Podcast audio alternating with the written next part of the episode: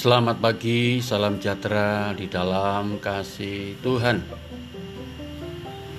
Kita bersyukur Tuhan itu baik dan kebaikannya diberikan setiap orang dan kepada semua orang.